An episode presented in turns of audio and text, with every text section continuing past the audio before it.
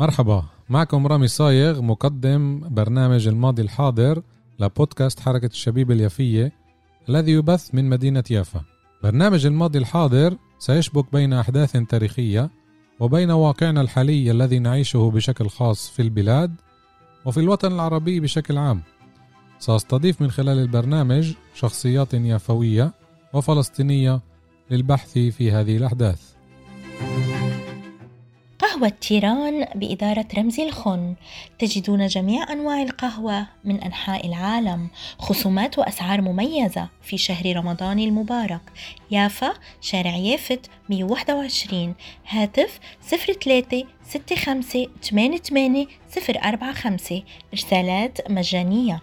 إنستغرام cafe dot تيران. فيسبوك تيران dash coffee and spices تيك توك تيران الموقع www.tiracoffee.co.il قهوة تيران للمذاق عنوان. فلاي فيش بإدارة حنا عابد. أسماك طازجة مجمدة ومنظفة. خدمة التوصيل لبيت الزبون. مفتوح يوميا ما عدا الأحد شارع سلمي 17 هاتف 03 933 2930 سناك روكا للسندويشات المتنوعة والصحية. تونة؟ أجبان نقانق بسترمة على عدة أنواع وكورن بيف لذيذ جدا. إضافة إلى السلطات الغنية والشهية والمتنوعة. طلبات دليفري تصل على باب بيت الزبون في يافا يفتح كل الأيام ما عدا نهار الأحد من الساعة السابعة صباحا حتى الساعة الثانية بعد منتصف الليل. روكا شارع يفت 42 هاتف رقم 03 534 35 53 انستغرام روكا R O K A.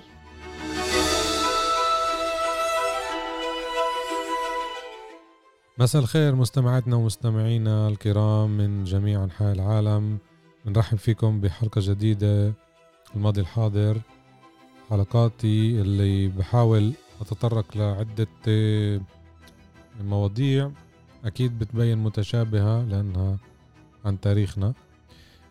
ومش دايما بصحل لي طبعا أستضيف ضيوف. إيه، وبهاي المناسبة بحب أقول إنه بشكر إيه، كل اللي بعطونا المصادر. و دايما أنا بذكر كمان جمعية ذاكرات. إيه، حلقة اليوم رح تكون عن قرية فلسطينية مهجرة منكوبة. بين قضاء يافا القرية اسمها قرية سيدنا علي. آه، جبت من مصادر مختلفة. آه، بالأول رح أذكر من مصدر جديد اللي مذكور بكتاب لن أتذوق برتقال جدي للكاتبة رشا بركات بنت مدينة يافا اللي كتبت قبل ما يقارب السنة كتاب بحث عن مدينة يافا وعن تاريخها. وذاكرة كمان بكتابها بصفحة 62 نبذة عن آه، هاي القرية. راح أقرأ منها آه، ومن أعلام مدينة يافا الشيخ ولي الله أبو الحسن علي بن عليل المتوفى عام 474 هجريا 1081 ميلاديا والذي تنسب إليه قرية الحرم التي عرفت بقرية سيدنا علي. وكانت حياته مثارا للبحث من قبل العلماء والمتصوفة حيث اشتهر بالتقوى والزهد والورع الشديد وبمرور الوقت أصبح ضريحه من أهم المزارات آه، والضريح واقع آه، جنوب مدينة جنوبا من مدينة غزة. يعني في طبعا آه، كمان مقامات. رح نذكر طبعا هذا بملاحظة بخلال الحلقة. قرية سيدنا علي. مين هي قرية سيدنا علي؟ هي طبعا من قضاء يافا موجودة إيه، للأسف اليوم مش موجودة مبانيها غير بضعة بيوت اللي احتلوها يهود هرتلية ورمموها وسكنوا فيها وطبعا الحرم اللي تبقى ولم يتم هدمه زي باقي الأوقاف الإسلامية اللي كانت بفلسطين.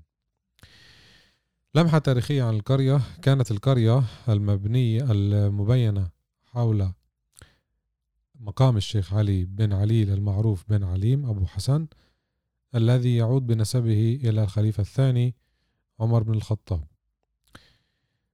تنهض هذه القرية على تل من الحجر الرملي قليل الارتفاع في الساحل الساحلي 16 كيلومتر شمالا لمدينة يافا. تشرف على شاطئ البحر الأبيض المتوسط. وكان من التقاليد أن يأتي الناس من كل أنحاء فلسطين في الصيف للصلاة والقيام ببعض المناسك وأخذ التذكارات وكان معظم سكان الحرم من المسلمين. بشبهنا بمقام تاني بجنوب يافا هو النبي روبين. هناك طبعا في اختلاف بسيط إنه الموسم تبع النبي روبين كان مشهور أكتر كان أضخم أكتر وكان يتواجد فيه فلسطينيين من عدة قرى ومدن فلسطينية وكان يقيموا فيه المهرجانات لمدة شهر كامل لحد ما الإنجليز أوقفوا هاي العادات خوفا من المظاهرات القومية المعارضة للاستيطان الصهيوني والمعارضة طبعا للاحتلال والانتداب البريطاني. عام 1936 بالضبط ببداية الثورة الفلسطينية. كمان ملاحظة حبيت أذكرها هنا عن موضوع المقامات. إيه، بفلسطين طبعا تاريخها عريق ومنفعش بحلقة واحدة نلخصها أو نلخص التاريخ. بفترة معينة من بعد انسحاب وهزيمة الصليبيين أو الفرنجة إيه، من فلسطين ومن الساحل اللبناني والسوري. إيه، أقام الأيوبيون اللي حكموا هاي البلاد بعد هزيمة الأوروبيين. أقام أقاموا مقامات على الساحل الفلسطيني اللبناني السوري لنقول الساحل الشامي. إيه، من أجل إيه، إرباك أو من أجل إيه، إدخال واقع جديد للأوروبيين. إذا فكروا كمان مرة يرجعوا يعملوا الغزوات تبعتهم على أساس إنه هاي المقامات تكون وكأنه أماكن مأهولة. وطبعا صارت العادات إنه الناس تيجي تزورها للمقامات بغض النظر إنه مش الكل آه، مش كل المقامات موجودة فيها القبور بس هاي العادة اللي تركوها الأيوبيين على أساس إنه يعملوا واقع جديد ويفرضوا واقع جديد على الأوروبيين اللي كانوا دايما وما زالوا طمعانين في أراضينا حتى هذا اليوم اللي بنشوفه بفلسطين واللي بنشوفه بلبنان واللي بنشوفه بسوريا. وبكل الوطن العربي هذا عبارة عن استمرار للحملات آه، للأسف بيقولوها الصليبية والصليب بعيد عنهم بعد السماء والأرض عن أعمالهم وعن أطماعهم. الصليب رمز النصر والصليب مش رمز الحروبات والصليب أكيد مش رمز الاحتلالات. فالأوروبيين لليوم آه، أنظارهم لا أوطاننا طبعا إحنا شايفين مين حاكم فلسطين اللي هم الأوروبيين اليهود. وهذا الإشي مش لازم ننساه. فعشان هيك تعطيت هاي الملاحظة على موضوع المقامات لنفهم أكتر المستمعين عن أهمية بنائهم ومش بس للسبب الديني البحت. مصدر بيكمل بيقول كانت منازل القرية آه، مبنية بالحجر بالحجر أو بالطوب وقريبة بعضها من بعض. وقد أسست فيها مدرسة ابتدائية في سنة 1921 يعني بالضبط أوائل الاحتلال والانتداب البريطاني. بلغ عدد طلابها 68 طالبا في أواسط الأربعينات قرية صغيرة يعني. كانت الزراعة عماد اقتصاد القرية زي باقي أراضي فلسطين.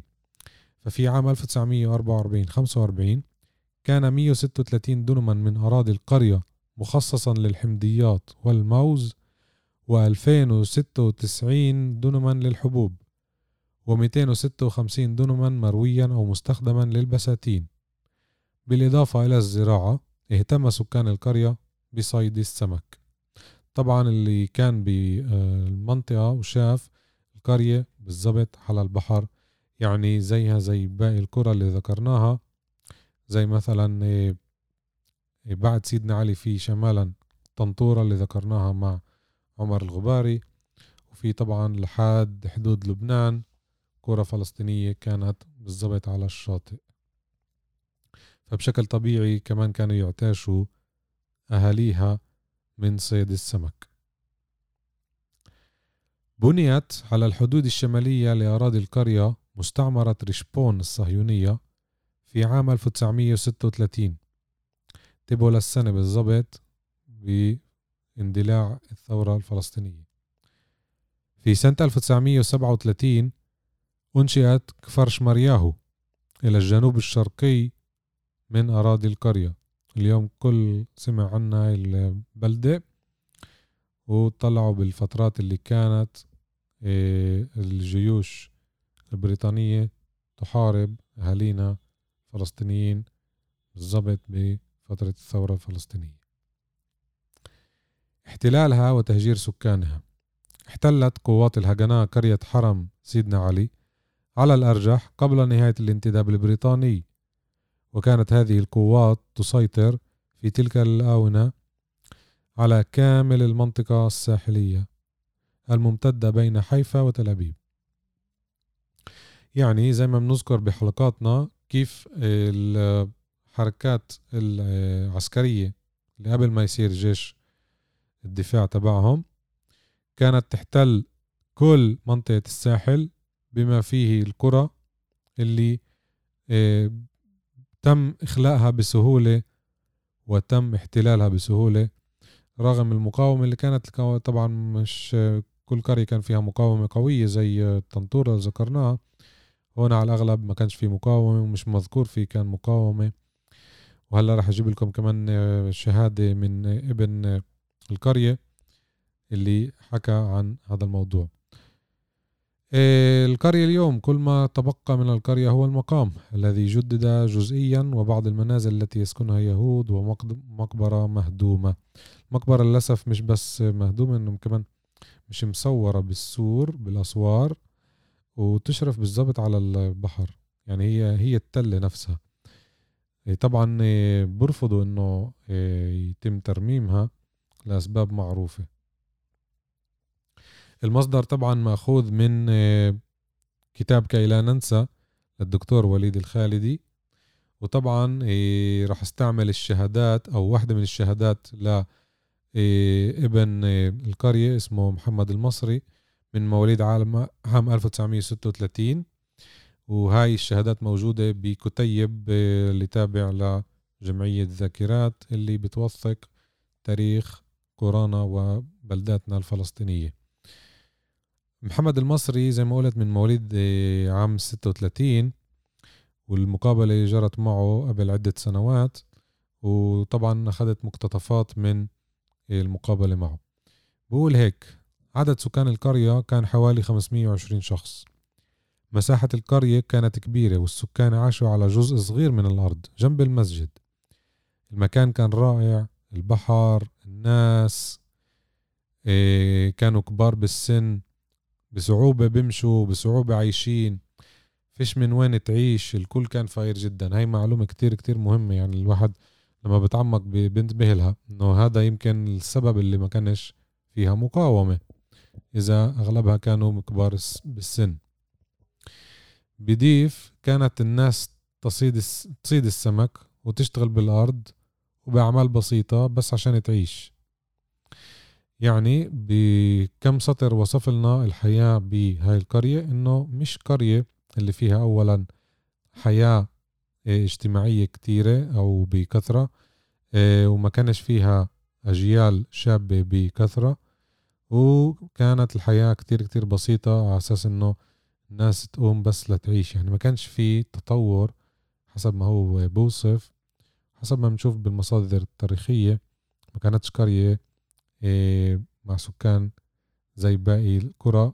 يعني ما كانتش قرية كبيرة. بيقول بالبلد كان في عيلتين كبار عيلتنا عيلة المصري وعيلة كرم. هدول العيلتين حكموا وقادوا البلد بس بعد بعد ما صار اللي صار كلهم هربوا. كمان هنا بدي أحط ملاحظة على كلمة هربوا بحب دايما أشدد عليها. موضوع هربوا هي شوية بيخرب الواقع والحقيقة لأنه بنفعش نقول هربوا وما نعطيش ملاحظة على سبب الهروب. الهروب بدون سبب طبعا ما كانش. فيش أي فلسطيني ببلده أو بقريته أو بملكه ترك البلد بإرادته. فهذا بنعد إيه، تجميل للنكبة. وإحنا مش جايين نجمل النكبة. الهروب كان نتيجة للأحداث اللي كانت إذا مش بسيدنا علي بمنطقة سيدنا علي للمجازر اللي كانت بالقرى اللي بفلسطين كلها من شمالها لجنوبها. الأخبار اللي كانت توصل لأهالي القرى. رغم إنه ما كانش في وسائل التواصل السريعة تبعت اليوم. فلما نقول هروب لازم نحط سطرين تحت هاي الكلمة ونشدد على إنه الهروب لم يأتي من عدم. الهروب لأنه كان في خطر على حياتهم لأنه كان في مجازر لأنه كان في محتل مش هامه وجود الفلسطيني. فمشان هيك كتير منهم قرروا إنه يدافعوا عن حياتهم ويتركوا بلدهم أو قريتهم ويروحوا لمكان آمن على أمل يرجعوا له بعد ما تنتهي الصدامات لأنها مش حرب. صعب نقول هاي حرب. لو كانت حرب بين جيش فلسطيني وجيش إسرائيلي كانوا لنا هاي حرب. بس هاي مش حرب إنما تطهير عرقي طرد أصحاب الأرض وأصحاب الأملاك إلى خارج إيه، فلسطين وعدم العودة. هذا اللي بده إياه المحتل الصهيوني لليوم وبرفض حتى يذكر الحقيقة مش بس برفض يحكي عن موضوع اللاجئين وتعال نشوف قديش نرجع ومن هالقصص اللي كانت عواد بن غوريون. أكيد لا. اليوم زي ما أنتم شايفين 2022 الحكومات عم آه، تتحدى بعض مين يكون أكتر متطرف ومين يمحي أكتر القضية الفلسطينية. خسئوا بكمل محمد المصري بيقول في بقريتنا ما كانش في خلافات بين العرب واليهود قصده بين الفلسطينيين العرب واليهود المستوطنين. وبيقول العلاقات كانت جيدة مع اليهود من رشبون هم قالوا لنا خليكوا وما تهربوا بس أبوي وعمي خافوا سمعوا عن مشاكل بكرة تانية سمعوا عن عائلة الشباكي اللي اندبحت مش بعيد عن القرية. كان في كتير قصص كان في عيلة بعيدة عنا 2 كيلومتر كلهم مهندسين ومعلمين وقفوهم وخلصوا عليهم الصهاينة. بقريتنا الناس خاف خافت وقررت إنه تترك. قسم راح على نابلس وعلى قرى جنب نابلس قسم بمخيم اللاجئين بطول كرم وقسم لعمان. إحنا كنا محظوظين كان عنا أقارب في الطيبة طيبة المثلث اللي دعمونا وحضنونا وهيك ضلينا في الطيبة جد كنا محظوظين. وبفهم مش قصده؟ محظوظ إنه ضلوا على الأقل بداخل آه، أراضي فلسطين وما طلعش خارج حدودها. وطبعا لليوم في آه، من أهالي قرية آه، الشيخ علي بمدينة الطيبة وبمدن اللي ذكرناها اليوم تحت حكم ما يسمى السلطة الفلسطينية. إيه كمان بذكر ب يعني بمقابلته إنه ما كانش في كراهية وبعرفش مين دخل الكراهية. للأسف يا محمد الكراهية دخلت لما الحركة الصهيونية تحولت من ضحية بأوروبا إلى معتدي بفلسطين. إيه في ملان شهادات طبعا مش راح أذكرها إيه لأهالي القرية. رح أذكر طبعا بس أسمائهم ل إيه، مستمعين إيه، عنا عمر مصاروي جندية زيادات سلامة زيادات عبد الله زيادات. فهدول كلهم كانوا يحكوا عن القرية وعن الأحداث اللي كانت ما قبل النكبة. إيه ملاحظة بسيطة على موضوع التوثيق آه، والأرشفة عند اليهود.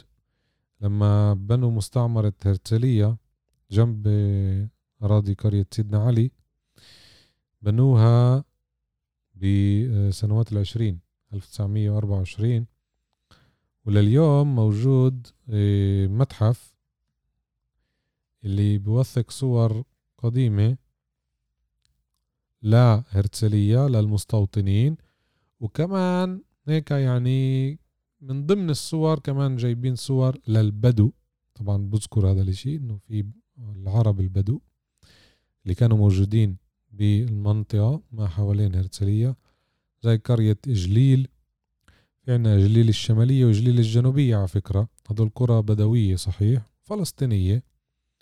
اليوم اسمها بالعبري جليلوت. قرية أبو كشك اللي قاعدة على أراضي كبيرة كانت اليوم جزء منها إيه، رمت شارون وهدى شارون. فمذكور هنا أن المتحف كمان جايب صور للفلسطيني. طبعا مش بذكروش كفلسطيني انما بذكروه كعربي أو كبدوي اللي موجود بالمنطقة وجزء من المنظر الطبيعي زي ما بقولوها ومش كشخصية أساسية أو كشخصية مركزية. إيه، بذكروا كمان إنه كان في آه، علاقات بين إيه، أهالي آه، أو المستوطنين هرتسلية وبين إيه، أهالي القرى اللي ذكرتها. بس طبعا بالآخر اللي بدي أقوله هون إنه اللي بيروح مرة على المتحف متحف بيرتسلية رح يشوف طبعا بس التجديد على الاستيطان تبعهم وعلى الزراعة تبعتهم وإنه حواليهم في القرى العربية اللي موجودة بس بالمنظر العام. لقاءات مثلا مع الجيران البدو محاولات فرض علاقات جيرة حسنة. هاي جزء من الرواية الصهيونية اللي بتأكد إنه إحنا الصهاينة دايما مدينا إيدينا للسلام والجيرة الحسنة. إيه كتير في إيه مثلهم مش بس بهرتلية وهاي الرواية اللي بتقول إنه إجوا اليهود قالوا لنا تعالوا خلوكم يعني هذا كمان جزء من الأكاذيب. وحتى لو صارت مش لسواد عيونهم طبعا صارت إنما على أساس يخلوا أهل البلد إيه ليخدموا المشروع الصهيوني ما بعد النكبة. زي ما صار ب آه، جسر الزرقاء وبالفراديس اللي ذكرناهم مع حلقتنا مع عمر الغباري وكيف حكينا إنه مش محبة بالفلسطيني خلوهم إنما لا يبقوا إيه، عمال ومزارعين ليخدموا المستعمرات اليهودية. فهون إيه، كتير كتير مهم نشدد على هذا الموضوع إنه محاولة التجميل بفترة الانتداب إنه كانت علاقات جيرة حسنة إيه هاي فيها إن كبيرة كبيرة كبيرة. إيه بدي أقتبس إشي بسيط هنا برضه من الكتيب إيه اللي بيحكي عن العلاقات بين الطرفين. مكتوب هيك مركب أساسي في علاقات الجيرة الحسنة. كان تقديم معونات أساسية ماء ومواد بناء قدمها العرب شايفين؟ بولوش الفلسطيني لسكان هرتسلية كما يقال أوائل سكان هرتسلية اشتروا مياه الشرب من القرية العربية إجليل. اللي قلت لكم اليوم صارت مفرق اسمه جليلوت. على ما يبدو أن الجالية الصهيونية الأمريكية هي التي مولت شراء الماء. في صورة مثيرة للاهتمام يظهر المستوطنون وأحدهم يشرب الماء كالعرب يعني كيف بقولوها بزرنق من الجرة وامرأة تحمل تحمل جرة ماء على كتفها. يعني مصورين حالهم وكأنهم بيعملوا إيه، زي العرب بيقلدوا العرب. فوق هذه الصورة نص يحكي أن تموين الماء للمستوطنين تم على أيدي سكان قرية جليل والجدير ذكره أن النص في الإنجليزية يفرق بين مستعمرين ومستوطنين. Settlers للسكان الع... وللسكان العرب residents. بقول كمان مواد البناء أحضرت أيضا من جليل. اللاجئ إبراهيم أبو سنينة يحكي عن عائلة التي استخرجت مواد بناء ونقلتها من المنطقة المسمية اليوم سينما سيتي صورة جميلة تظهر جمال أو جمال تحمل تحمل الحصى للبناء. صورة أخرى غير واضحة تظهر جمال تحمل الحصى بالقرب من مسجد سيدنا علي. من الواضح أن علاقات التفاهم بين اليهود والعرب كانت علاقات اقتصادية بأساسها. علاقات أحضرت رفاهية اقتصادية مؤقتة للعرب وكانت مصدر مهم للتطور الاستعماري الصهيوني. يوجد هنا شيء مأساوي. أهل القرية أحضروا مواد البناء وبنوا بأنفسهم المدينة آه، التي احتلت مكان قريتهم. أي أنه بعرق جبينهم قدموا المعونات الأساسية لإقامة المدينة الصهيونية التي أقيمت على أراضيهم. خطوة مشابهة كانت في المناطق المحتلة عام 67 اللي بنشوفها اليوم بالضفة الغربية لكي يعتاش الفلسطينيون كان عليهم العمل لدى مقاولون يهود الذين بنوا مستوطنات على أراضيهم. يعني إيه، فيش حاجة أضيف أكتر من هيك؟ إيه، شفتوا الصورة بشكل عام وطمس الحقائق والتزوير والتجميل وكل الغلاف هذا الحلو اللي جواته إيه للأسف بدي أقول كمان مرة وسخ اللي هو الطرد الفلسطيني من أرضه وطمس الحكاية هاي. طمس الحقيقة هاي مش رواية آسف. طمس الحقيقة على أساس إنه الجيل الثالث والرابع والخامس واللي بعده يبطل يقول أنا فلسطيني يقول أنا إسرائيلي اللي صار صار وأنا عايش اليوم وعم باخد الحقوق الاجتماعية وأنا عايش منيح وأنا عم بشتغل وعندي حساب بنك. للأسف هذا اللي عم بيحاولوا كتير آه، من المسؤولين بالدولة العبرية يعملوه على أساس آه، يمحوا الذاكرة. بس زي ما بنقول إحنا هنا لرفع آه، قضيتنا لا عدم محو الذاكرة بالعكس لإبراز الذاكرة لنشرها وللتوعية. للأجيال القادمة. وإن شاء الله نروي آه، الألم لنزرع الأمل زي ما بقولوها وبحب أشكركم وبأمل إنه كانت حلقة مفيدة. حب تسمعونا على التطبيقات التالية Spotify Podbean Google Cast و Apple Cast إحنا موجودين كمان بصفحاتنا بالفيسبوك حركة الشبيب اليافية وكمان بودكاست حركة الشبيب اليافية. إلى اللقاء بحلقة جديدة. الله معكم.